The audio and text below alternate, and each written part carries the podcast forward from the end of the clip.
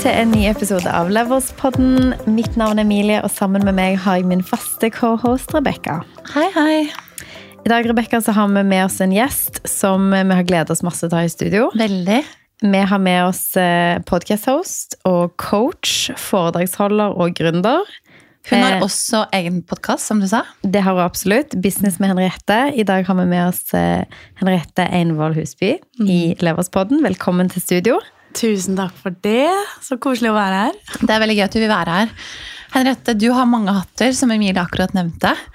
Eh, Vi skal snakke litt om reisen din, om eh, de ulike rollene du har. Men temaet i dag skal fokusere veldig mye på nettverksbygging og merkevarebygging, som du er utrolig god på.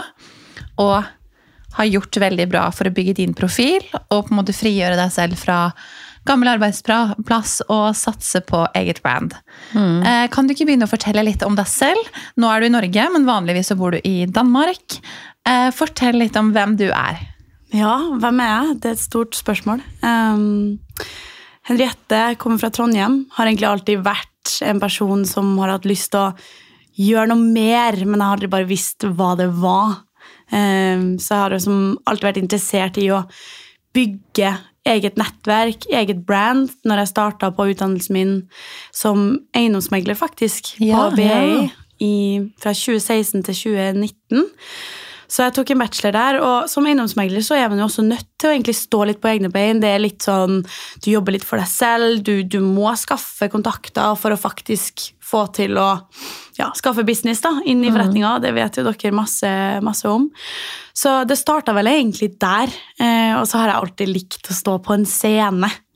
Det har jeg alltid. Jeg har dansa, jeg var født med q-tips på, på kinnet. Du har hatt det på kinnet, ja. Emilie hadde det for et par uker Ja. siden på kontoret. Det er gøy. Men det er spennende. Men, så du har jo vært innom mye forskjellig, men det som du starta med, det som kanskje lytterne våre kjenner deg fra, er jo podkasten din hvor du eh, fremmer eh, kvinnelige gründere og folk som har fått til mye forskjellig. Så dette liksom sånn ønsket om å fremme eh, damer som får til ting, og som har tatt steg ut og starta for seg sjøl. Og nå er jo du en av de, du òg, fordi du har jo faktisk gått ut, starta for deg sjøl, begynt med coaching, starta egen bedrift. Eh, fortell om liksom ønsket bak å skape eh, podkasten din, og liksom hvordan, hvorfor starta du der, og hvordan har du utvikla deg sjøl som en eh, bedriftseier? Og det var jo det. Det er jo der på en måte mitt why, eller min sånn drivkraft, har kommet. Gjennom det at jeg fant ut av at når du faktisk tar eierskap over livet ditt, du tar eierskap i verden, du finner ut av at oi, jeg kan faktisk gjøre en forskjell. Um, og det, det starta jo egentlig bare fra et eget behov jeg hadde i min bedrift, eller i min tidligere eh, ansettelse, eh, hvor jeg var i et eh, property tech-selskap. Som var veldig mannsdominert. Eh, Jeg, hadde, jeg var den eneste kvin, kvinna på teamet. eh, Og hadde egentlig ingen jeg kunne sånn ordentlig åpne meg opp til eller spare med. Så jeg måtte liksom gå ut og finne de her kule damene selv. Mentorer, liksom. Ja, ja man kan si, kalle det egentlig mentorer. Eh, og da skrev jeg på LinkedIn, tenkte bare, de må jo tenke at jeg er helt lok i hodet, fordi at jeg går og skriver random meldinger til damer, men, men overraskende nok så var det mange som ville møte meg, og jeg fikk liksom åpna opp en sånn ny verden over at det er faktisk mulig å gjøre ting og gjøre ting utenfor janteloven, og man trenger ikke å følge jeg vil si, strømlinje Et spor, på en måte. ja, så da, da snakka jeg med de her damene. da. Fikk masse inspirasjon, og så var det noen som prikka meg på skuldra og spurte du skal ikke bare starte en podkast, da. Nei, skal jeg starte en podkast? Det er jo bare sånn når du er sånn, du vet, Sofie Elise eller sånn Ja, ja, kjendis ja. som bare starter en podkast. Og dere òg har jo også starta podkast. Eh, bare sånn ut fra at man har et ønske om å dele. Det var nok det også. Ønske om å dele den følelsen jeg fikk i kroppen når jeg snakka med de her damene her. Jeg har lyst til at flere skal oppleve det og forstå at man kan lære av andre og man kan se opp til noen og tenke at fy fader, du er kul. Eh, jeg har også lyst til å gjøre det, og det kan du. Men hvordan, hvordan eh, begynte du? Fordi ok, du har funnet ut at du trenger å gjøre noe. Podkast er en idé. Du har en vanlig jobb. Og så blir businessen rettet til. Ja. Hva er tanken bak det? Hvordan havner vi der? Har du noen plan, eller er det litt sånn som faller naturlig? Det er nok en blanding, tror jeg. Eh, Det var en sen desemberkveld i 2021 hvor jeg oppretta en Instagram-konto som het Business Henriette. Jeg åpna den opp for jeg husker fem av mine nærmeste venner. eh, Noen av mine beste venner i København og min daværende kjæreste. Og bare sånn, kan du, kan du se på den videoen jeg legger ut her? Gi meg litt feedback. eh, Si om du syns det er dumt eller ikke. Da var det bare et ønske om at jeg hadde lyst til å dele dem utfordringene jeg hadde i arbeidshverdagen. da, Som eneste kvinne på et team, som leder for, å, for en, en, en salgsavdeling. Så, så det var det som jeg starta med. Jeg ville dele utfordringene mine. Og så har jo det bare utvikla seg seg, og balla på seg. Og nå ser jeg jo den der, når jeg har blitt coach òg, nå ser jeg jo live. Jeg kan se at jeg kan ha en påvirkning på andre sitt liv. Jeg kan virkelig snakke med noen one on one, og så kan de komme tilbake til meg en uke, to uker etterpå, hvor de har gjort øvelsene som vi har snakka om i coachingtimen, og de bare sånn Fy til katta. Du har liksom Sliter med å ikke få meg. Det er lov å bade. Fy til katta, ja.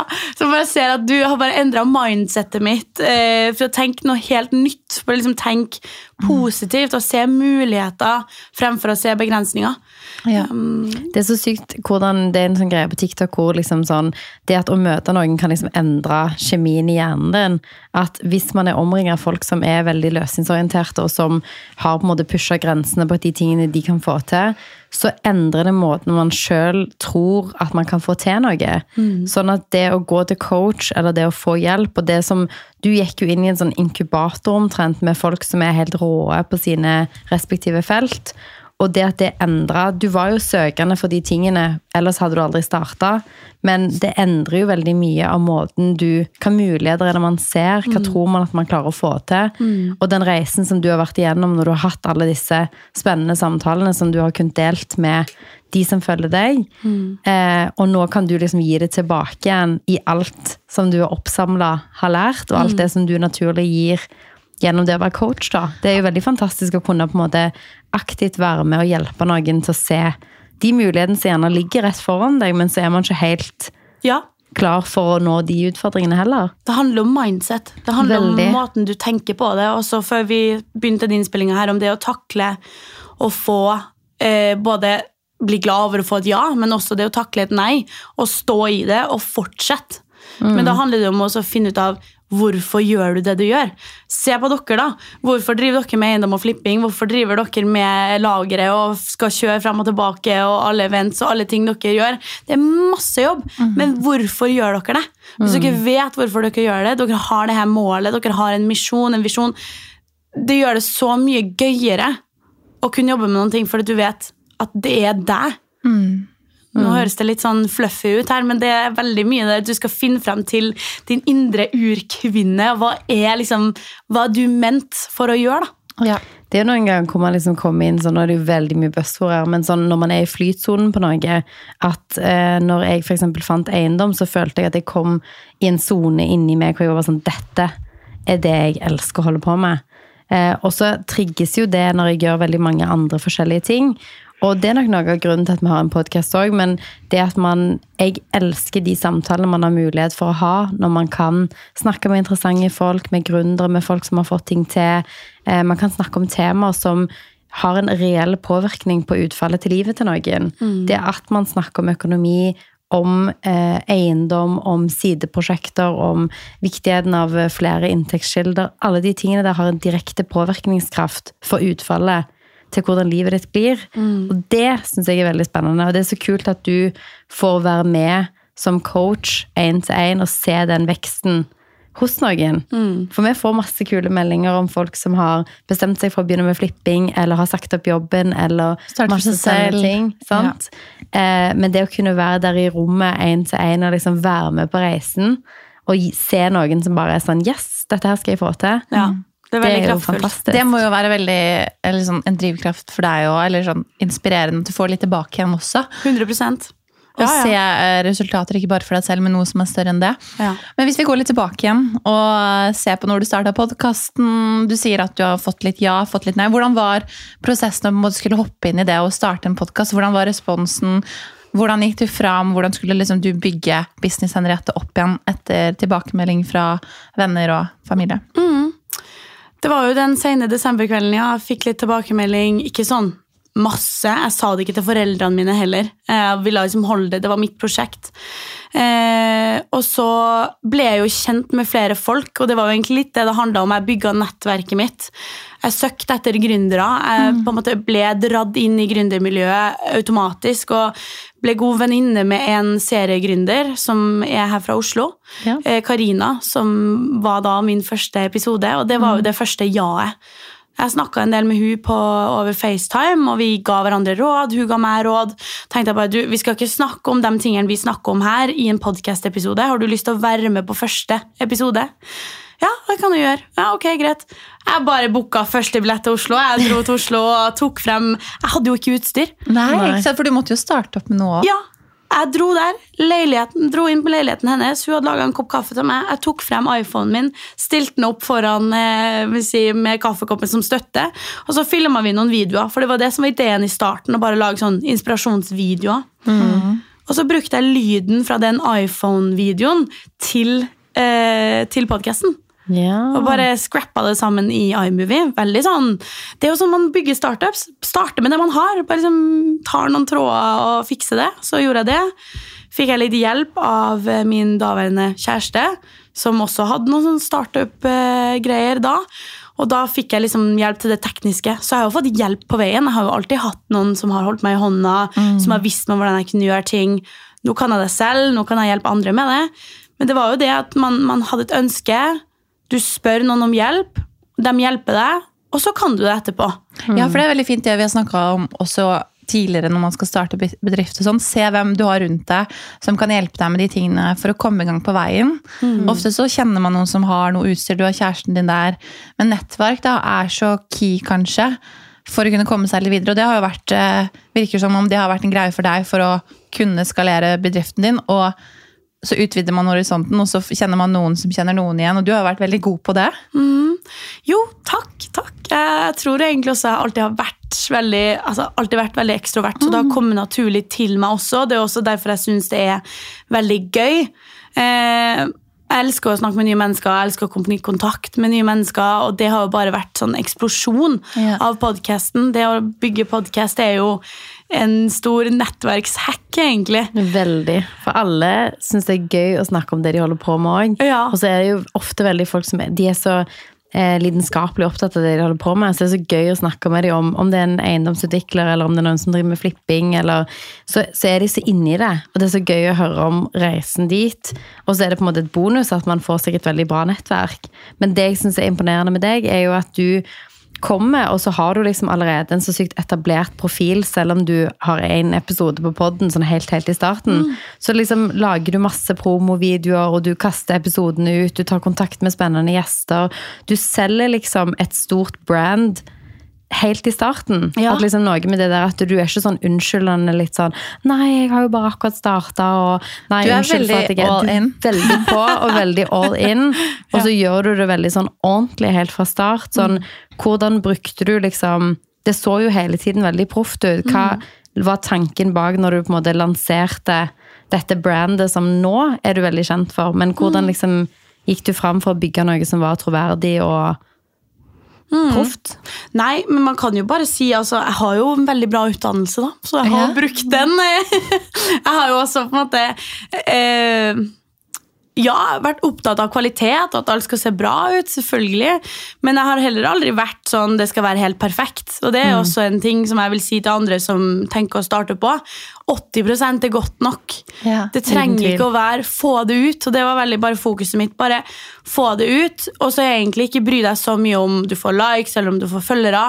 Eh, Nå har det jo gått bra, og det er jo på en måte bare også fordi at jeg har satt meg noen mål. Jeg har bare gjort det, og mye av det å starte opp handler også bare om å eksekvere. Kom bare gjør det. Kom i gang. Skriv den mailen, skriv den meldinga. Få det gjort. Så jeg er jo, jeg er jo både en blanding av hvem vil si, ydmyk i forhold til det jeg holder på med, men jeg er også beinhard når jeg jobber. Jeg jobber konsentrert, jeg jobber effektivt, jeg setter meg mål. Jeg gjør ulike teknikker, jeg jobber med meg selv, jeg trener. Jeg har liksom en sånn em, ja, det her skal gå, da. Jeg, jeg slutta i fulltidsjobben min, for nå, nå er jeg bare tvunget til å gjøre det. Det starta som et hobbyprosjekt ved siden av fulltidsjobben. Da tenkte jeg egentlig ikke så mye over ok, nå skal jeg tjene så og så mye, nå skal jeg gjøre ditt og datt. Jeg jobba jo helt frivillig gratis på det i hvert fall et halvt år før jeg begynte å kunne tjene penger på det.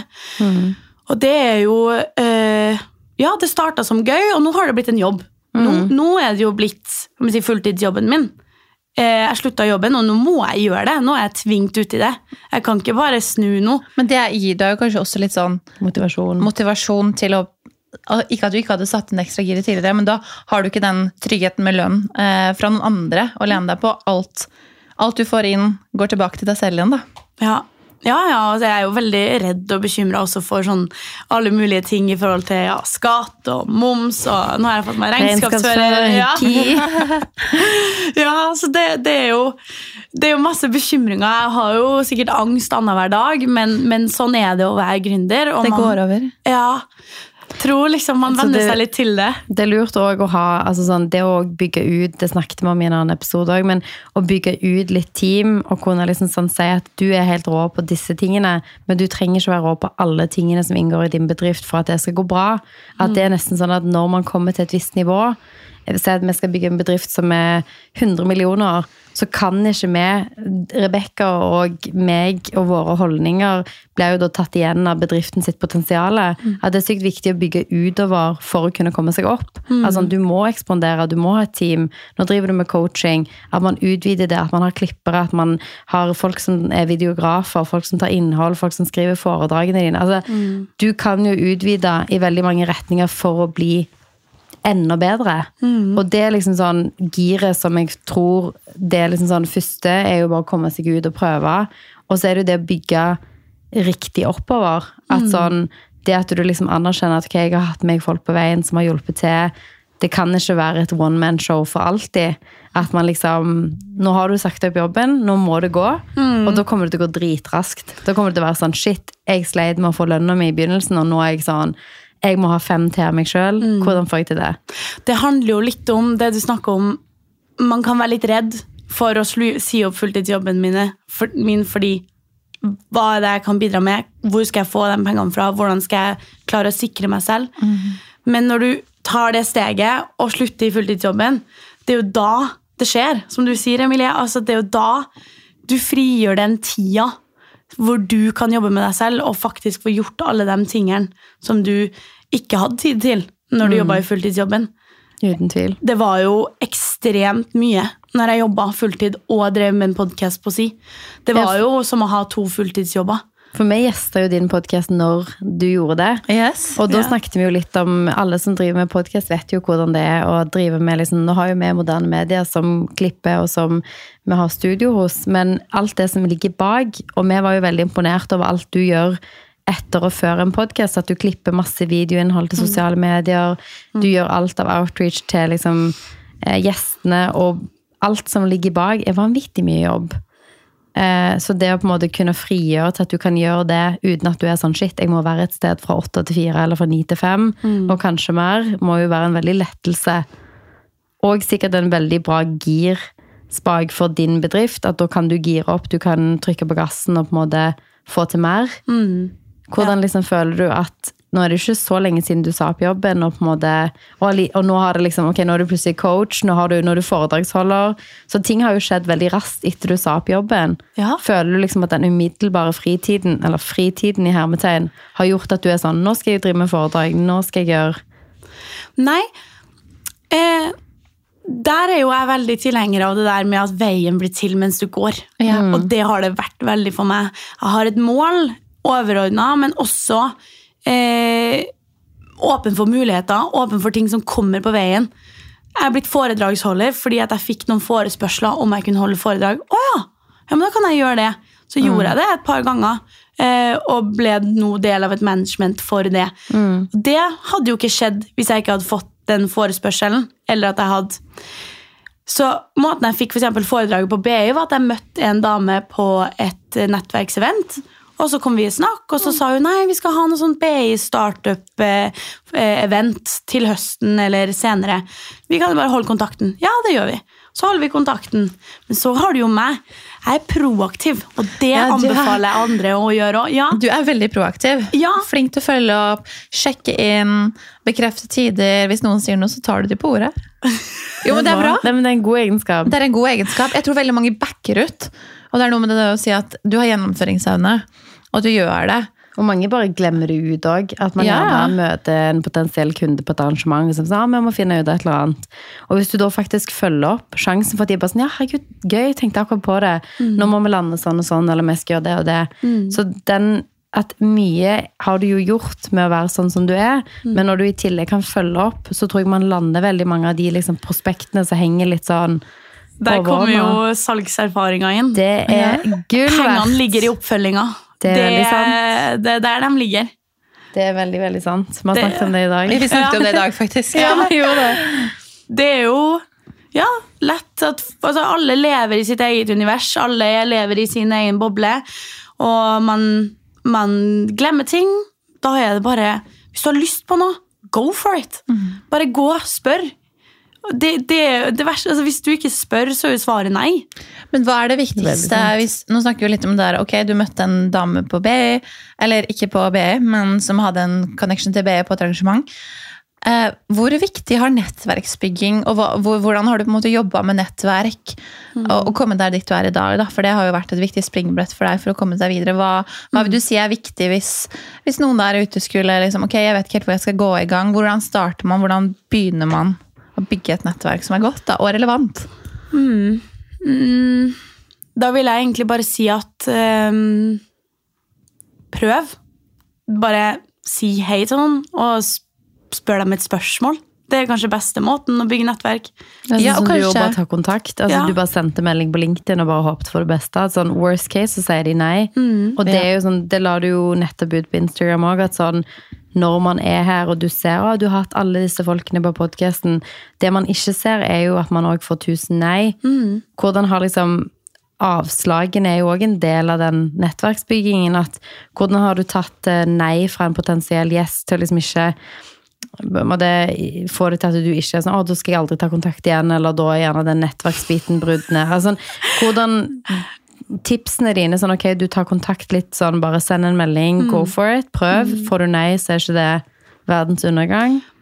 Jeg er jo litt sånn mm, Hvis du ikke har prøvd tre-fire ganger, så er det liksom, Hvis du har prøvd fire ganger, da kan, Da du, kan du la det gå. Da kan du la det gå. Jeg har en historie jeg faktisk har lyst, til å fortelle angående en gjest jeg hadde lyst til å ha med inn. Eh, og så eh, De driver en veldig, veldig stor bedrift. Eh, de ba meg om å gjøre noe arbeid for dem. Så spurte de om jeg kunne skrive en artikkel for dem og være med på en video. Og så sa jeg ja til det, eh, mot at de da eh, var med i podkasten min. Ja, ja, det vil vi gjerne. Greit.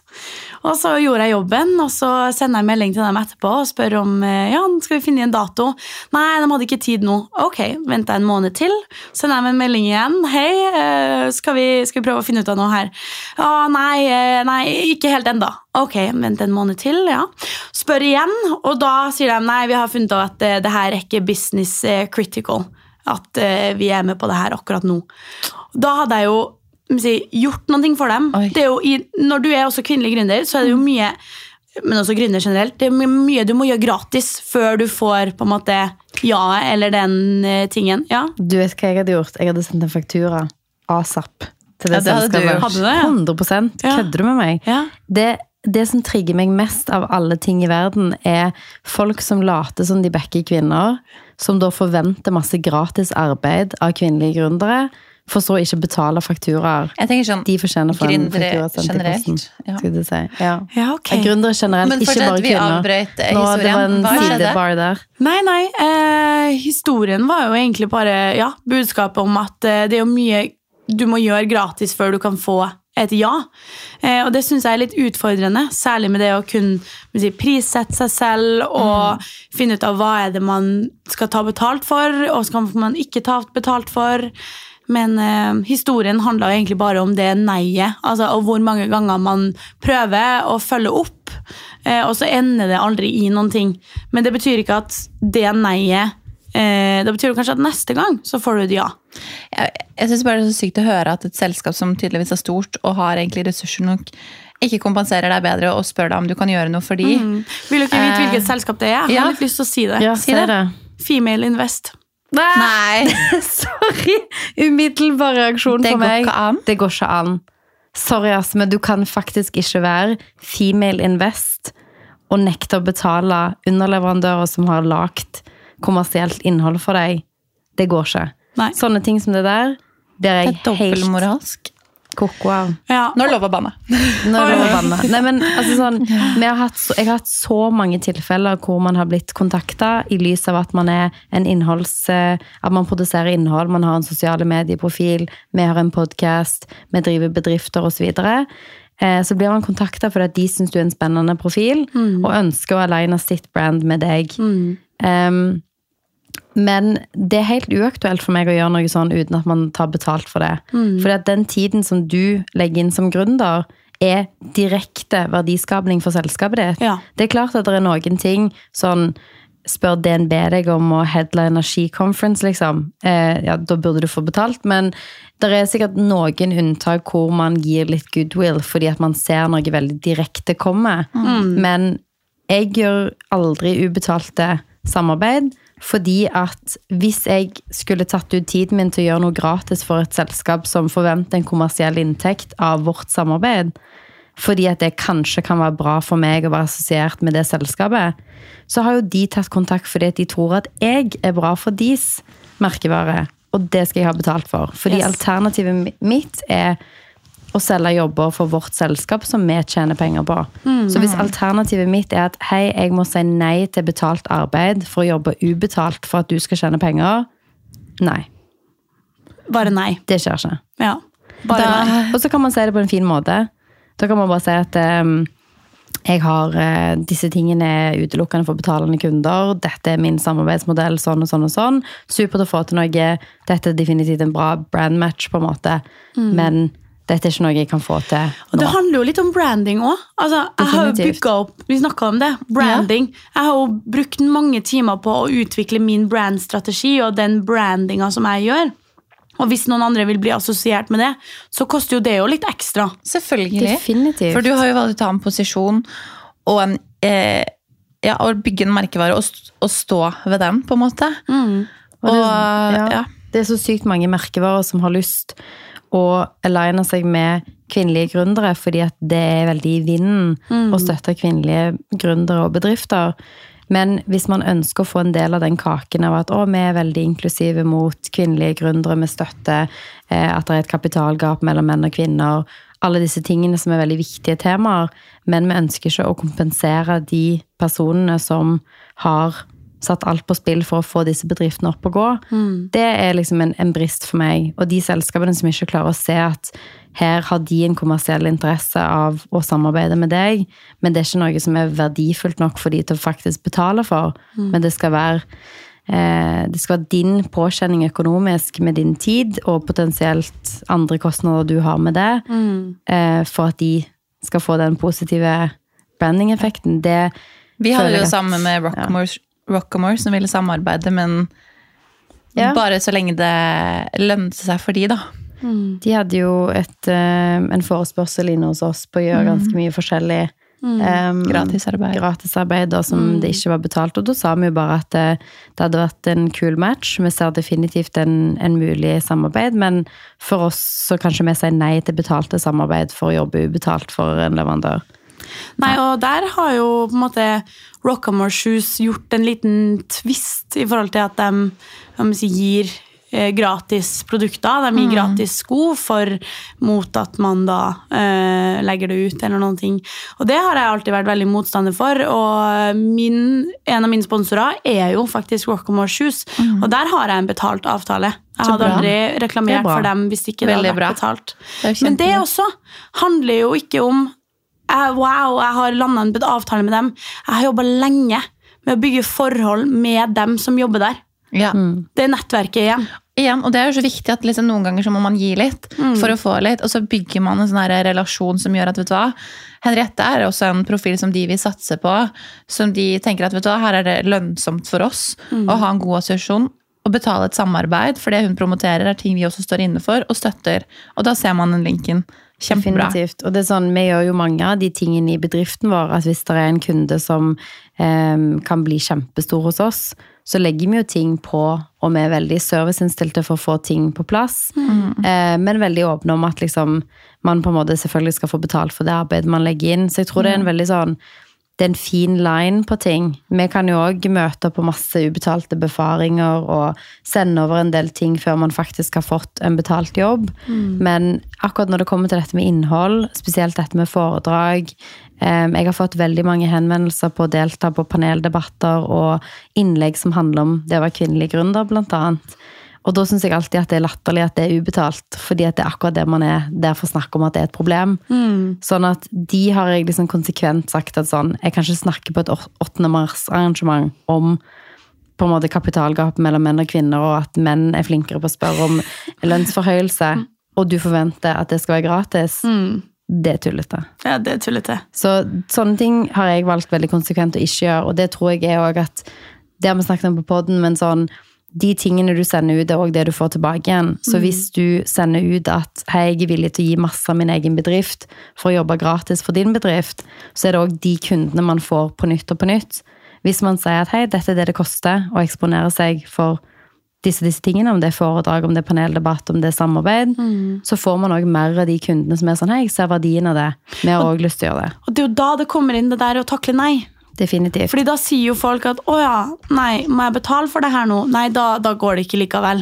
Ok, kanskje du hadde lyst til å være med på den paneldebatten. Det hadde vært bra for brandinga di. Det hadde vært fint for å kanskje komme i kontakt med nye samarbeidspartnere. og eh, Det er jo av og til positivt, og kanskje du kan få litt mer eh, ut av det.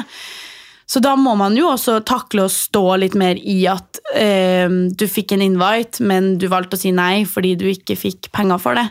Um, så da, da, da må man jo også ja, takle det nei da, om at eh, de kan trekke seg tilbake og, og være litt mer tålmodig. Mye handler jo også om tålmodighet. Det å bygge business. Det jo, det er jo også det med at sånn hvis man um, Det er veldig enkelt å tenke, eller sånn, det har i hvert fall jeg hørt mange ganger, at sånn Ok, men det er jo kjempepositivt for deg å delta her, og det tar bare fem timer, og så må du bare reise en og en halv time hver vei. Eh, så det er jo veldig positivt for deg. Og så er det sånn, ja, jeg ser den, og det er sikkert kjempefint for meg å snakke om disse temaene, men eh, jeg har en jobb, og det er å drive dette selskapet her. Hvis jeg skal være ute av kontoret en hel dag fordi at det potensielt kanskje er positivt for meg, det er noe man er nødt til å ta en avveining på, fordi at det er ikke nødvendigvis alltid Det kan være at det er mye bedre for deg å sitte på kontoret ditt og jobbe med innhold, booking av gjester, lage foredragsplanen din. Altså, det er så mange ting du kan bruke tiden din på som er bedre benytta for deg enn å gi andre folk noe gratis. Ja. Så det er, jo, det er jo liksom en dans på sånn opp og ned, man må liksom finne Man må jo avveie det litt, på en måte. Veldig. Eh, For det er jo- ja. I noen tilfeller så er kans- kanskje eksponering da, og det å dele merkevaren sin en høy verdi. Um, så som du sier, da, man må veie det litt opp og ned. Vi snakka litt om det i forhold til tips og hvordan man skal gå fram, og det der å si hei og introdusere seg, og bare tørre å snakke. Og min erfaring også er jo at man kan snakke med folk man ikke nødvendigvis tenker at kan hjelpe deg, så skal man bli overraska. Jeg husker når jeg skulle starte opp, så tror jeg det, det som på en måte fikk meg litt i gang, var bare det å på en måte snakke om ideen og få litt tilbakemeldinger. Og så plutselig så kjente jeg noen som kjente noen. Og de bare ja, men jeg har en du burde snakke med, eller det kan være relevant for de. Eh, som ikke nødvendigvis den personen du kjenner i ditt nettverk kan gjøre noe for deg, så kanskje de kjenner noen. Og da begynner man å på en måte ha en del å gå etter, da. Jeg har jo begynt å tenke nylig på en ting som Hanne Lene Dahlgren sa til meg i en Ja. episode i podkasten. Det ga veldig mye sånn tanke, en tankevekker da, for også folk som vil opp og frem. Når du spør den personen om å møtes for en kaffe, og hvis det er noen som skal være med og si, hjelpe deg og bidra, ja, du kan spørre, men også tenk hva kan du gi tilbake? Hva kan du gi til den personen? Det er kjempebra tips. Mm. Det syns jeg var veldig fint. Ja. Mm. Det er så viktig å tenke på sånn Uansett hvor store noen er, eh, så kan det jo være noe du er kjemperå på, som du kan hjelpe. Du har jo en veldig sånn et talent for f.eks. dette med branding, markedsføring, trekke fram gode poenger. Kanskje du har notert at den gjesten ønsker å fremme disse og disse synspunktene. Kan man vinkle podkasten inn på det, sånn at de får innhold på noe de er interessert i å ha en posisjon på? At sånn, Det er så mange inngang, innganger hvor du da, som kan være med å gi noe veldig direkte tilbake igjen til de. Det er veldig, veldig sant. Denne podkasten her heter jo Levels, og vi har liksom starta en ny greie hvor vi vil at gjestene våre skal fortelle deres next level. Hva er, hva er på en måte målet ditt? Hvor skal Henriette nå? Hvordan skal du level up? Ja, hvordan skal du levele opp? Oi! Så hva er Føler jo allerede jeg har levela opp. eh, hva Jeg slutta i fulltidsjobben min. ja, ja, men det er et veldig godt start. Men, god start, men hvor skal du Ja. Hvor ser vi deg om et halvt år? Oi, oi, oi. Det skjer mye. Det skjer fort her, vet du. Nei da. Jo, men det er bra. jeg, jeg har jo et mål om en, en omsetning. Det er bra. Ja. Ja. Det er det. Jeg har kommet ganske godt i gang med det. Jeg har, hvis det fortsetter i det tempoet her, så kommer jeg over målet mitt. Og det Hva er målet ditt? Eh, ja, og si sånn, når jeg starta og satte det målet, som var da i, i januar i eh, 2023, når nyåret begynte, så hadde jeg en mål om 750 000 i, og neste år. Eh, og så har jeg fått meg regnskapsfører, og så sier han til meg sånn ah, men du må tjene en mill. Det, da, da lever du liksom godt. Ja, ok. Mm. Nå har jeg omsatt for 500 000. Veldig bra. Det er jo helt Det er. Det er jo ikke meg engang ennå. Det er kjempebra. Ja, så da tenker jeg at eh, man må bare fortsette det. Og det er jo liksom rent monet, mon monetary. Det er jo for at jeg skal kunne leve, få mat på bordet, kunne betale for på, Kanskje jeg skal få meg et kontor, eh, betale for leia mi, eh, alt det der. Men, men målet mitt er jo overordna å få flere kvinner til å starte opp for seg selv, flere kvinner til å tro på seg selv, flere kvinner til å bli sterkere og ta eierskap i verden. Og det har jeg lyst til å snakke om, holde flere foredrag. Eh, jeg har jo en drøm, som dere også vet, eh, og om ett år kanskje så har jeg flytta til New York, og da Ja. bor jeg der eh, for en liten stund. Jeg tror kanskje ikke at det trenger jo ikke å være at jeg skal bo der resten av livet, men jeg har lyst til En å periode. En liten periode. periode. Dere to har jo også vært der. Jeg tror du hadde passet veldig godt til å bo der. Ja, kanskje. Ja, jeg Jeg det. ser det for meg. Det kommer til å skje, det. Ja. Det er sant. Vi, um, vi har en litt sånn intern joke om dagen med quotes og sky's limits i bare Altså, vi det er tenker sånn det, det som er kult med deg, og det som er gøy med å ha deg på podden, er jo at du er veldig uredd i approachen din til ting. Nå har du sagt opp jobben, du har satt deg et i utgangspunktet veldig høyt mål til å starte med, og så er man bare sånn Oi, ok, men det gikk jo fint. Da blir det enda mer. Og så skal man på en måte Og så, ja, jeg kan holde foredrag. Og så sånn, når vi møtte deg sist, så var vi jo på et arrangement hvor du hadde blitt bedt om å hoste. Og du var helt rå på å hoste. Jeg, jeg sa til Rebekka sånn, hun der hun har en framtid som programleder. eh, Virkelig. og det at du liksom bare hopper inn i sånn Ja, jeg har ikke hosta før, men jeg kan hoste, jeg. ja. Null problem. Og det er en så fin holdning, fordi at det gjør at du blir så eh, åpen for alt som kan skje.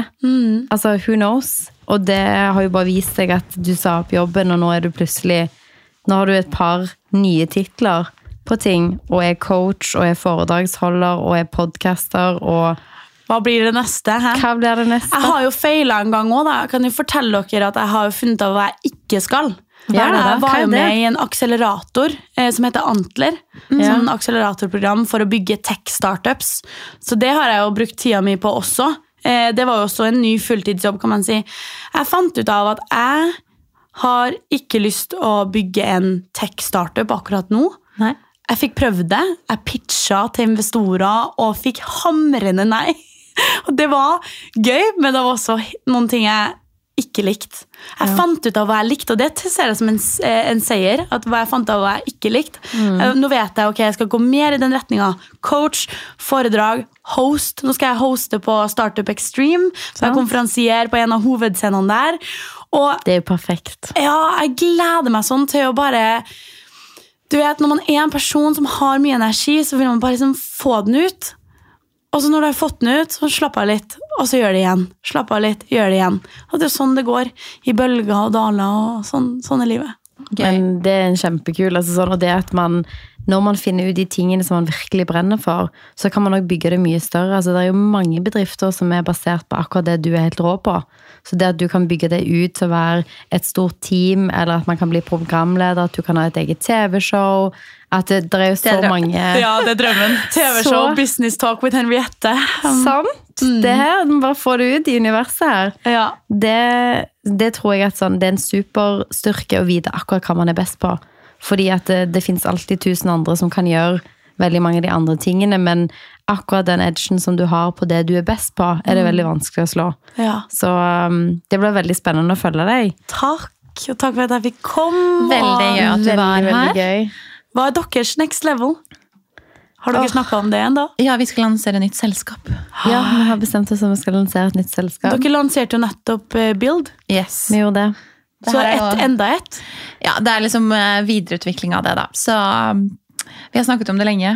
Vi får se hva det blir, men jeg tror nytt selskap, og så får vi nytt kontor. Um, flytter ut, blir større, og så blir det vel å ansette noen flere, kanskje. Ja. Nå har Wow. vi vokst ut av kontoret vårt og skal ha et Ja. stort kontor på Løkka. Og... Det er gøy at du spurte tilbake. Ja, veldig gøy. Du merker at du har en podkast. Det er liksom direkte spørsmål tilbake igjen. Ja, ja, Ja, Det er mye spennende som skjer, men uh... Ja. Det blir gøy. Men Det- Henriette, tusen takk for at du ville komme. Ja, Eh, takk. masse masse lykke til videre med reisen din som gründer, som coach, som podcast-host. Vi gleder oss til å følge deg i New York som TV-host. Mm. Jeg må også bare si at jeg har jo vært veldig fan av dere siden dere starta. For dere starta rundt omkring, ah, litt etterpå meg, med podkasten om det med kvinnelig gründerskap. Så jeg, jeg digger podkasten deres. Jeg har hørt alle episodene, og nei, jeg digger Du er veldig god. Rett tilbake til deg. Ja. Det er så kjekt å høre noen som brenner for de samme temaene som det vi òg gjør. Så det er veldig gøy. Ja. Tusen hjertelig Tusen takk. takk. Også alle sammen må sjekke ut podkasten til Henriette. Vi linker til den også i episoden her, og vi legger ut link på Insta. Vi legger ut linkene til Instagram-profilen din og til podkasten din, og plasser hvor du kan ta kontakt med deg. Eh, Så hvis du hører på dette og tenker jeg trenger en coach, eller jeg eh, trenger, jeg trenger en ny podkast å høre på, så vet du hvor du skal ta Yes. og finne inspirasjon. Det var det vi hadde for i dag. Vi snakkes! Ha det! Ha det.